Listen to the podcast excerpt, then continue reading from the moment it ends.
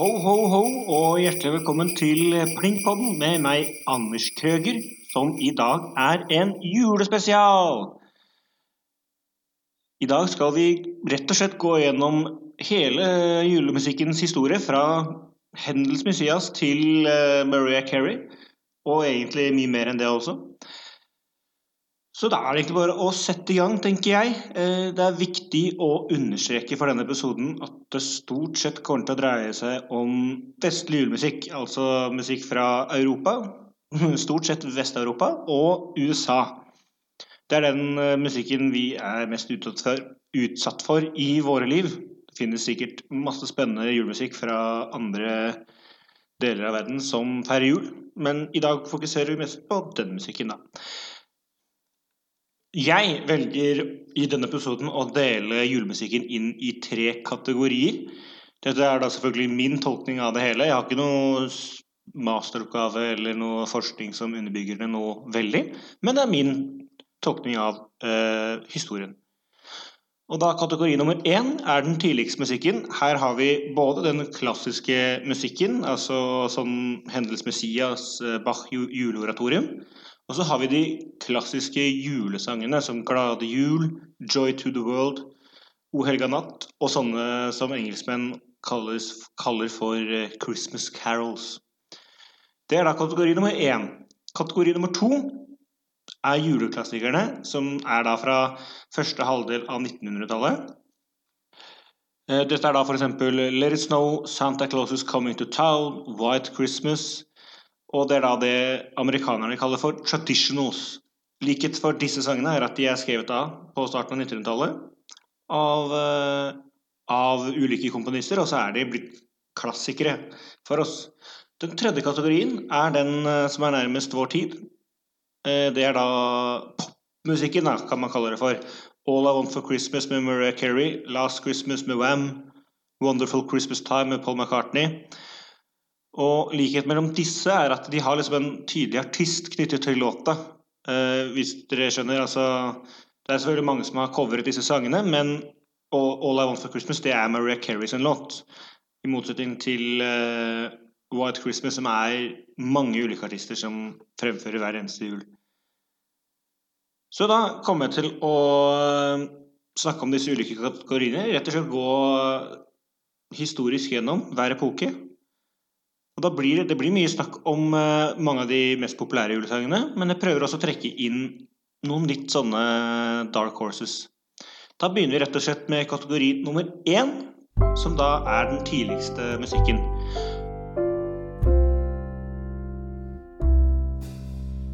Og julemusikken fra denne tiden, nå kommer det stort sett fra kirken og har et tydelig kristent budskap. Eh, og de kommer som regel fra Europa, og veldig mye av det kommer fra Tyskland. Eh, og mange av disse sangene er også skrevet av prester. De fleste julesangene vi kjenner til, eh, som vi fortsatt har, da, er skrevet på 1800-tallet og senere. Og grunnen til det er at eh, fram til da så var påsken den aller viktigste feiringen i kristendommen, og julen var ikke så viktig. Den aller første julesangen vi vet om, er noe som heter er en sang som heter 'Jesus refult sitt omnium'. Dette er da den sangen mange historikere mener er den aller første julesangen. Den ble skrevet i det fjerde århundret og menes å være skrevet av Saint Politiers, som da levde mellom 1315 og 1368. Det er litt usikker på om det faktisk var han som skrev den, men det er det man tror. Og det betyr da Altså Jesus refult sitt omnium betyr da Jesus skinte på alle, eller Jesus ledestjernen i alle nasjoner. På engelsk har de valgt å oversette det til 'Jesus light of all nations'. Og det er skrevet på latin, som mye annet på denne tiden. Teksten handler om åpenbaringen de tre vise menn fikk da de så Jesusbarnet i krybben. Eh, artig med dette her, eh, Selv om um, de fleste historikere mener at dette er den første julesangen, så er det mange som gitt, mener at dette er ukorrekt. Fordi den aller første julesangen det må ha vært englekoret som sang 'Natten da Jesus ble født'. Ja, Der ligger mye mer informasjon utom denne sangen. Dette er det jeg velger å ta med. Hvis du har lyst til å lese mer, så kan du lese det på Wikipedia. På bare tre språk. Italiensk, ja. Spansk, greit. Og av en eller annen grunn samisk. Så hvis du kan en av de tre språkene, så er det bare å lese mer om denne sangen. Men det er en ganske spennende sang, så jeg vil anbefale dere å høre på den. Den er skrevet før liksom, den vestlige musikken, altså den tonale musikken da, som vi kjenner, kom til livet. Så den har ganske spennende klangbilde og, og lydbilde. Altså, den er på en måte litt uh, annerledes da, enn det vi er vant til. Så jeg vil anbefale å høre på den. Altså Jesus refult sitt omnium. Hvis dere velger å høre på den nå, husk å komme tilbake og høre resten av podkasten, for her kommer det jæklig mye spennende. En annen sang fra middelalderen som vi kjenner eh, bedre til, er 'Et barn er født i Betlehem'. Den er fra 1300-tallet. Og da er det faktisk en stund til vi finner nye sanger som vi omgås eh, hver eneste jul. Som sagt så var ikke julefeiringen den viktigste før ut på 1800-tallet. Men et stykke vi kan si nå, er, som er veldig viktig for veldig mange i jula, er eh, 'Messias' av George Fredrich Hendel. Dette ble skrevet i 1940 Nei, ikke 19, 1741. Og da er det er et stort verk for orkester, kor og fire solister. Eh, det har liksom ikke noen spesiell handling, eh, alle disse tekstene, men det er en samling av ulike tekster fra Bibelen som da handler om Messias, åpenbart. Altså Jesusbarnet. Eh, originalteksten er faktisk på engelsk, så om du er lei av å ikke kunne høre slash ikke forstå hva kor og solister synger om når du er på ulike konserter, så kan du høre på dette stykket og fortsatt ikke høre hva de synger. Eh, Hennes Messias er et uh, oratorium, som da betyr at det er en samling av Altså det er et, et verk, men det er veldig, veldig mange ulike satser. Med solosolister, eh, arier og korsatser, bare orkestersatser, som til sammen blir ett stort verk som da varer i ja, to og en halv time eller noe. Eh, det er aller mest kjent for satsen Halleluja-koret, som jeg vil påstå at alle har hørt. Hvis ikke så skjønner jeg ingenting. Dette ble utført 13.4.1742, som for øvrig er ett år før Thomas Jefferson ble født. Eh, denne datoen ble også komponistene Ludvig Irgens Jensen og Kjell Habbestad født, for de som skulle vært interessert. Da tenker dere kanskje hm, 13. april, det er jo ikke i juletider. Og det stemmer, for dette stykket ble faktisk fremført i påsken, og ment til å bli fremført i påsken. Det var faktisk ikke før på 1900-tallet at uh, man begynte å forbinde dette stykket med juletider. Nå skal dere høre noe sjukt. Dette stykket ble skrevet på 24 dager. Mellom 24. august og 14. september.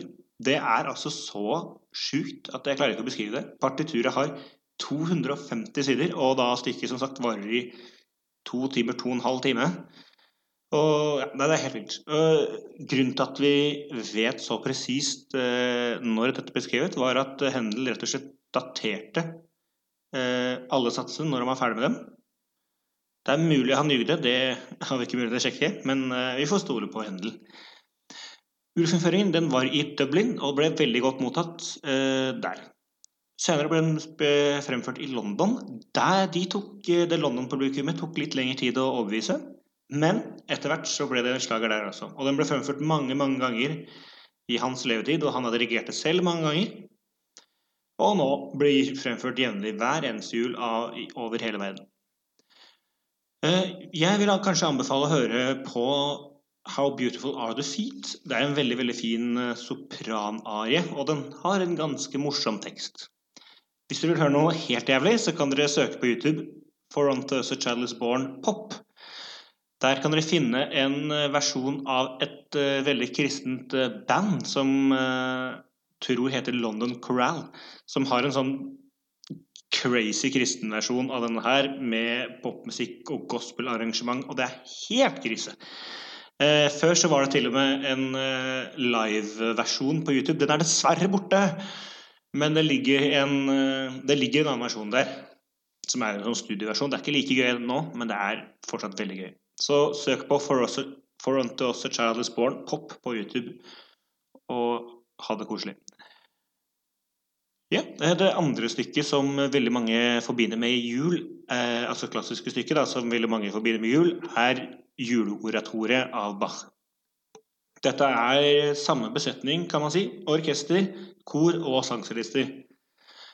Her, dette er tekster eh, som handler om eh, Jesu fødsel og dagene etter eh, Jesu fødsel. Da. Og bare for å ta dette med oratoriet, Det kan minne om en opera. Det har kor, sangere, tekster. Ikke nødvendigvis en handling, men handling innad i satsene, kanskje. Men forskjellen er at opera det er et musikkteater med skuespill og alt mulig. Og orkesteret blir liksom skjult ned i en grav, mens på scenen så skjer det teater. da. Mens et oratorie det er konsertmusikk. Så da sitter liksom orkesteret og koret og solistene på samme scene og fremfører det som en konsert. Eh, dette varer i to og en halv time, dette også, og bygges også opp av mange, mange små satser. Eh, dette ble skrevet i 1973 til juletiden i Leipzig. For dere som ikke skulle vite det, så jobbet og bodde Bach i Leipzig store deler av livet sitt. Og gjennom tiden fra 1714 til 1729 så har han skrevet masse julemusikk til julehøytidene i Leipzig. Disse ble stort sett fremført i Niklaskirken eh, og Thomaskirken. Sistnevnte er der Bach jobbet som organist og kapellmester. Og for de som ikke skulle vite det, så bor også jeg i Leipzig, så disse kirkene er nå rett borti Høgheim. Verket er eh, skrevet i seks deler, eh, og hver del tar liksom for seg ulike aspekter ved Jesu fødsel og tiden etterpå. Og i den første fremførelsen eh, den var delt opp over seks dager. Så hver dag så ble én del spilt. De ble da spilt i disse to kirkene jeg nettopp nevnte, Niklas og Thomas-kirken. Og da delte de sånn at eh, på morgenen så spilte de første del i Niklaskirken, og på kvelden samme dag spilte de første del i Thomas-kirken. Og dette gjorde de da over seks dager. Så da fikk å, da fikk eh, innbyggerne i Leipzig, som jo elsket Bach, mulighet til å høre dette juleordet. Eh, etter fremførelsen så ble faktisk ikke verket fremført før 17.12.1857, altså over 100 år senere. Så det var veldig fint at de fikk tatt opp dette verket, og nå blir det, nå blir det spilt jevnlig hver eneste jul.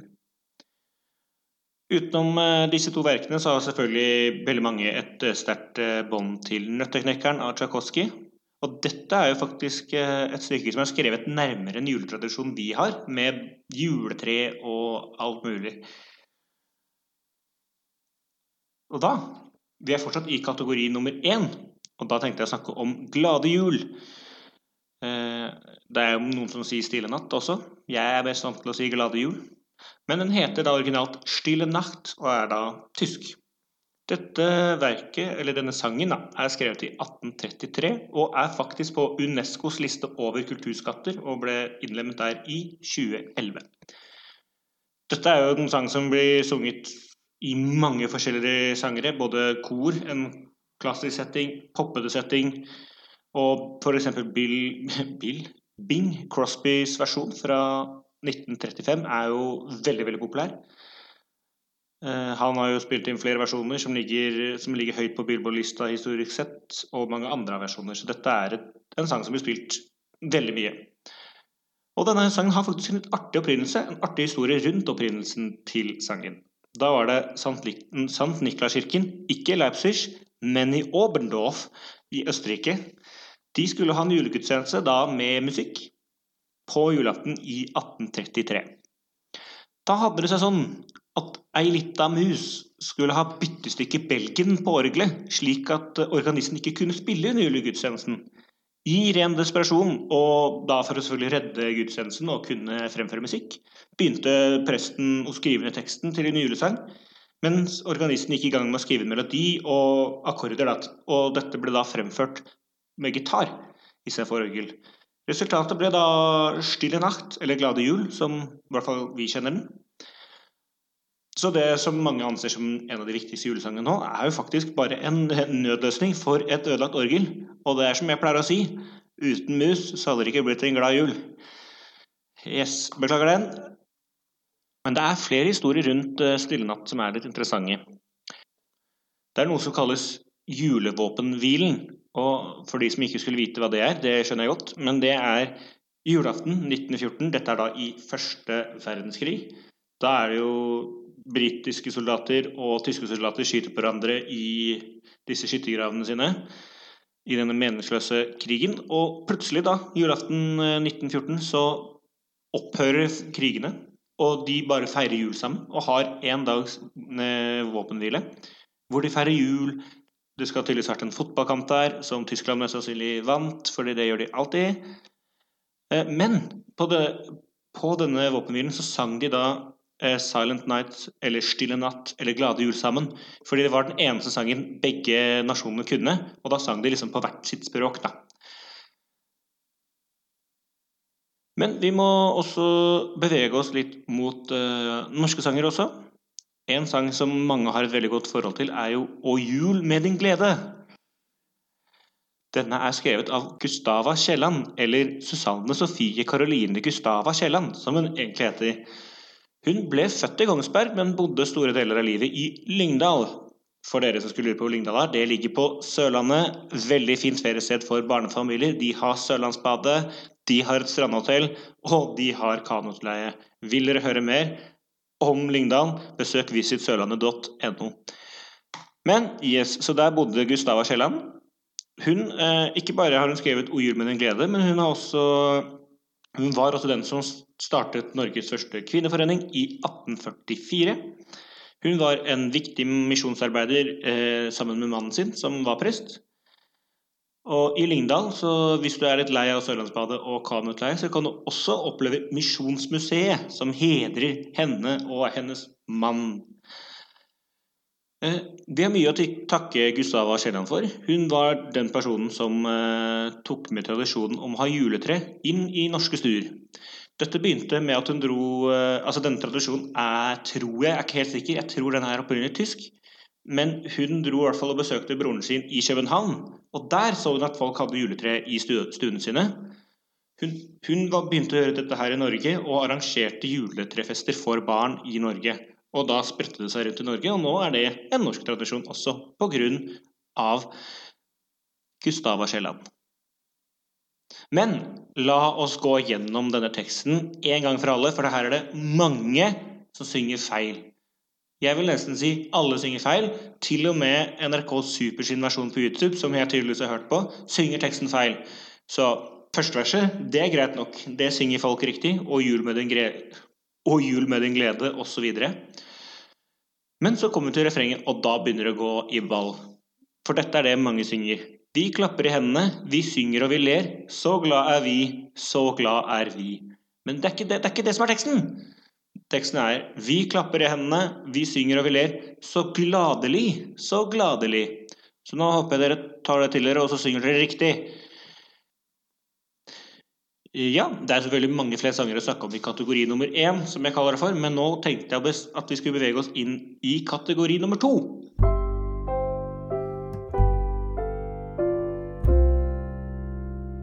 Dette er da sanger som jeg kategoriserer det som sanger som ikke kommer fra kirken. Tekstene er eh, ofte uten budskapet om Jesus, men synger oftere om julestemning, julenissen, snø osv. Det er selvsagt mye Gud og Jesus her også, men mer fokus på julestemning, da, kan vi si. Og veldig mye mer amerikanske julesanger. Mange av disse amerikanske julesangene vi kjenner, er skrevet mellom 1930 og 1950. Det er da sanger som It's Beginning To Look Like, like Christmas. Det var utrolig dårlig engelsk uttale, men det får gå. Santa Claus Is Coming To Town. Winter Winter Wonderland. Ja, yeah, Winter Wonderland. Let It Snow, bare for å nevne noen. Uh, alle disse sangene er jo skrevet i en sånn uh, standard jazz-stil. Uh, Nå tenkte jeg å ta og se litt nærmere på noen av dem. Begynner med I'm Dreaming of a White Christmas Eh, og for de som skulle lure nei, dette er ikke en nazistsang. Denne hvite julen den refererer nok til snø. Og det var faktisk en jøde som skrev sangen også, så det hadde vært jæklig rart om det var en nazistsang. Eh, denne sangen drømmer på en måte Eller det er sånn som noen som eh, drømmer tilbake til en svunnen tid hvor julen var så fin. Den er skrevet i 1942. Eh, for de som kan historie, så vet du at dette er i andre verdenskrig. Så mye kan jo tyde på at julen kanskje ikke er så fin akkurat nå. Så nå drømmer vi tilbake til en gang julen var så fin.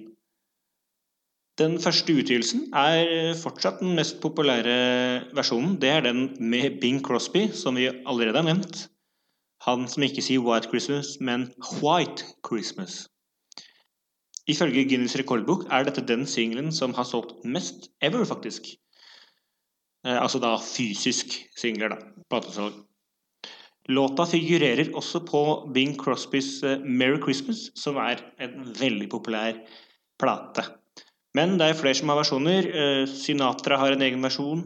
Sinatra og Bing Crosby har faktisk en egen versjon som ligger på YouTube. Den er litt morsom, fordi det kan virke som de ikke har dritmye sammen, for de er ikke helt de er ikke helt enige med, på timen på den sangen. Eh, det verserer faktisk en historie om at eh, komponisten av låta, Irving Berlin, hatet Elvis' invasjon. Han skal tydeligvis ha ringt rundt til alle radiostasjoner i USA og bedt dem å ikke spille Elvis' invasjon. Uh, ja, jeg har ikke funnet noen veldig sterke kilder på dette, så vi får ta den historien med en klype salt. En annen julesang som er veldig populær, veldig folkeskjær, er I'll Be Home for Christmas. Denne er også skrevet under krigen og ble i en stor grad påvirket av andre verdenskrig, faktisk. Låta er skrevet i 1943 og er liksom sunget fra eh, en, eh, et synspunkt fra en amerikansk soldat som er stasjonert i altså overseas, som de kaller det, eller Europa, som vi kaller det for, i andre verdenskrig. Og skriver et brev hjem til familien sin med en beskjed hvor han sier jeg kommer til å komme hjem til jul, vær så snill, ha litt gaver. Vær så snill, ha litt snø. Kan vi vær så snill ha litt uh, misteltein? Uh, men så ender på en måte sangen i en ganske melankolsk måte, hvor han synger I'll be home for Christmas if only in my dreams. Dette her er da som sagt 1943. I hate to break it to you, men dere kommer ikke hjem til jul før et par år, altså.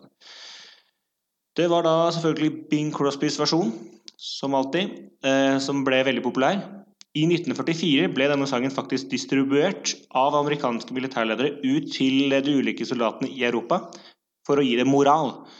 Magasinet Yank, The Army Weekly, eh, USAs eh, offisielle militærmagasin, så vidt jeg vet, under andre verdenskrig, skrev om Bing Crosby at uh, he accomplished more for military morale than anyone else in this era. Det som er litt artig, er at i Storbritannia så var det ikke lov til å spille denne her på BBC, fordi krigsledere de var redde for at dette skulle svekke moralen. Så motsatt tankegang fra USA der. Du skulle ikke tenke på noe annet enn krig, tydeligvis. Men teksten er da heldigvis så åpen at den kan gjelde alle som gleder seg til å dra hjem til jul. F.eks. i eh, desember 1965 ble dette den første sangen som ble spilt i verdensrommet. Eh, astronautene om bord i Gemini 7 de ba kollegaene sine på land om å spille denne her eh, og sende den gjennom radioen, så de kunne høre på den oppe i romskipet. Og Da kunne de også drømme, drømme seg til når de skulle komme hjem. Jeg ble i researchen til denne podkasten overrasket over hvor mange av disse sangene vi kjenner til nå, som er skrevet under andre verdenskrig. Og faktisk hvor mange av disse som har et melankolsk budskap i seg. For eksempel denne sangen alle kjenner så godt, 'Have Yourself a Merry Little Christmas'. La oss se på den. Denne ble også skrevet i 1943. Den ble skrevet til en film, da. Den ble skrevet til eh, filmen 'Meet Me in St. Louis', som kom ut i 1944. Og originalversjonen ble skrevet av Judy Garland. Melodien er skrevet av Hugh Martin, og teksten er skrevet av Ralph Blaine. Teksten de skrev, var så følgende Have yourself a merry little Christmas. Yeah. It may be your last. Next year we may all be living in the past. Ja, så da de presenterte denne til skuespillerteamet og regissøren, så sa Judy at eh, hun syntes denne sangen var for deprimerende. Dette var regissøren enig i, og derfor endret de teksten til slik vi sender den i dag. Have yourself a merry little Christmas. Let your heart be light. Next year all our Next year or Next year all our problems will be out of sight. Judy Garland spilte også denne sangen inn på plate. Og i likhet med I'll Be Home for Christmas ble denne sangen også veldig populær blant USAs soldater i Europa. Flere av soldatene skal visstnok ha falt sammen i gråt da de hørte den. Og da heldigvis hørte de bare den positive versjonen. Ikke den om at de kunne dø når som helst. Ja, så alle disse, sangene, alle disse, nevnte sangene er en del av det amerikanerne kaller standards. Eh, og er skrevet i samme tradisjon som jazzstandarder i USA. Men det ble jo skrevet julemusikk i Norge òg på den tiden. Og det er jo en veldig sterk bidragsyter her er jo um, Alf Prøysen med 'Musevisa', 'Julekveldsvisa' og 'Romjulsdrøm', som kanskje er en av mine favorittjulesanger. En annen sang som er uh, veldig populær fra den tiden, er 'På låven sitter nissen'. Denne ble skrevet i 1911. Teksten er av ingen ringere enn Margrethe Munthe. Jeg regner jo på en måte at dere vet hvem Margrethe Munthe er, men hvis dere ikke skulle vite hvem det er, så er det da hun som har skrevet Skivise, eller mest kjent som Jeg snører min sekk. Hurra for deg som fyller ditt år. Geiterams, som er mer kjent som Og jeg vet en seter. 17. mai er jeg så glad i. Og øh, den kanskje mest kjente hun har, Nei, nei, gutt. Dette er en sang som er øh, opprinnelig norsk. Den er oversatt til dansk, men det er vi som skrev den først, holdt jeg på å si. Det er jo som regel motsatt, dessverre. Den er faktisk også oversatt til engelsk. The Nisse in the barn has got his Christmas treaty. Dette var en del av Mike and Elses Norwegian Songbook Minneapolis 1985. Artig med denne sangen er at i mange norske sangbøker så står det eh, melodi tradisjonell fordi man ikke visste hvem som har skrevet den. Men det vet jeg. Dette er egentlig en tysk reinlender skrevet av Frans Meisner i 1892. 1892. Den heter Im Grunewald, im Grunewald ist Holzauksjon. Eh, på norsk så betyr det i Grunewald er det en tømmerreaksjon. Ja. Grunewald eh, er en bydel eh, i Berlin som stort sett er bare skog og noen fine villaer. Så er det et sted man burde ha tømmerreaksjon i Berlin, så er det jo faktisk i Grunewald. Denne sangen kan du faktisk også høre bl.a. i Schindlers liste, i den scenen hvor Oskar Schindler blir presentert. Her blir det liksom spilt av et uh, liveband. Når du hører på originalen av denne sangen, så har den tre melodilinjer, faktisk. Margrethe Munthe hun har benyttet seg av melodilinje 1 og 3, ikke den andre. Dette hører dere hvis dere hører på den.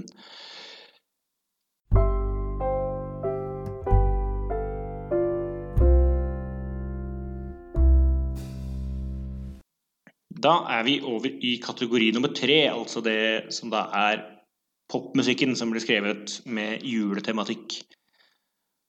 Og mange av disse sangene heter noe med Xmas. Og bare for å ta det X-en i Xmas kommer fra den greske bokstaven chi, som ser ut som en X. Og det er da den første bokstaven i ordet Jesus, som da betyr Jesus. Så det er jo da Christmas i mening. Her har vi sangen som 'Driving Home for Christmas', 'So This Is Christmas', men jeg tenkte å snakke om den kanskje aller mest kjente 'All I Want for Christmas' fra 1994. Vanligvis når eh, sanger blir skrevet nå, eller i løpet av de siste 30 årene, så de veldig, kan de bli veldig populære når de blir sluppet, men de blir sjelden liksom det man kaller en klassiker. I hvert fall i USA, da. Eh, men denne sangen, den eh, har faktisk klart å bli like populær som de gamle amerikanske slagerne, som vi nettopp snakket om. Og ikke da bare populær, men folkeskjær og tradisjonsbærende. Og i motsetning til mange andre artister så var det en sang som Maria Carey ga ut tidlig i karrieren. Det var ofte sånn at uh, du ga ut en uh, juleplate når karrieren din var på hell. Bare for å få litt mer oppmerksomhet rundt det du gjorde. Men hun gjorde det veldig, veldig tidlig. Hun ville ha en egen låt, sin egen låt.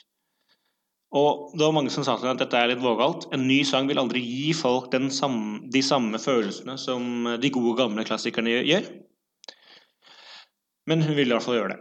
Hun ville lage en sang som hørtes ut som noe hun kunne vokst opp med.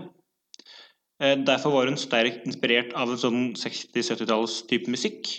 Og da veldig eh, inspirert av eh, Phil Spectors Wall of Sound, som da var en måte Phil Spector eh, produserte sanger med Wall of Sound. Det er ganske beskrivende. For eksempel i All I Want for Christmas så er eh, backing vocals, altså ko koristene, eh, er jo satt nesten like høyt som Maria Carey. Så denne bakgrunnsvokalen er er nesten en lighetsstemme i seg selv.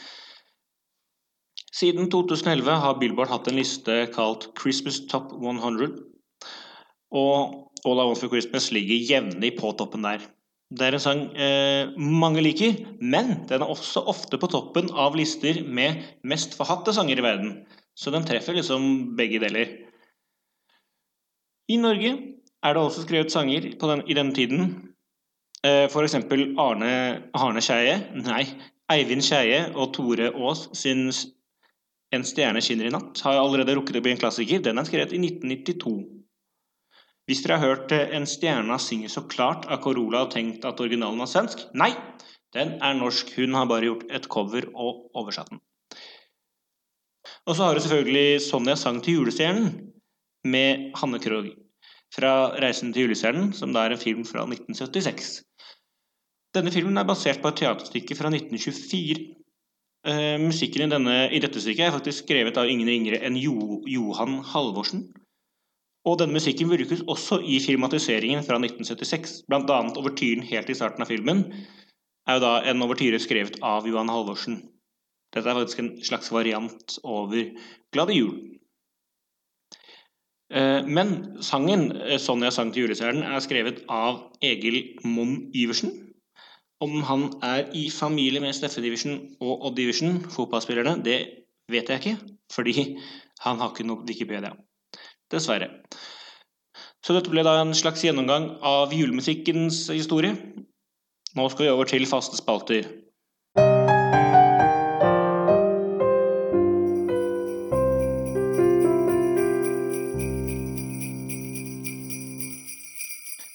Før eh, denne episoden er ferdig, så tenkte jeg å komme med noen anbefalinger. Og da er det kult å komme med anbefalinger til ulike julekalendere som er kule å følge. Og da er det musikalske julekalendere jeg ønsker å anbefale. Alle disse ligger på Instagram. Den første er en som heter Julekalenderen, med C, da, bare for å være litt fancy. Julekalenderen med C. Jeg lurer på om dette er tredje året hvor de holder på. Dette er en utrolig kul uh, julekalender som, ut, uh, som legger ut nye sanger hver dag gjennom uh, jula. Fram til 24. Og alle sangene er originale, og de er komponert av Erlend Tredal og Morten Langemyr. Denne vil jeg anbefalt å se. Den har jeg fulgt lenge. En som er ny, et nytt, et nytt bekjentskap for meg, jeg lurer på om dette er første året de holder på, det er Rattlebells. Eh, det er en perkusjonsduo Så legger ut eh, en, en, en ny musikksnutt hver dag hvor de spiller ulike slagverksinstrumenter. Og veldig oppfinnsomme og morsomme videoer. Anbefales også for å komme inn i god julesending. Den siste jeg vil anbefale, er Komponistforeningens lydkalender. Og Det er, kan også følge på Instagram. Der gir de en anbefaling hver dag på ulike stykker skrevet av norske komponister man burde høre på.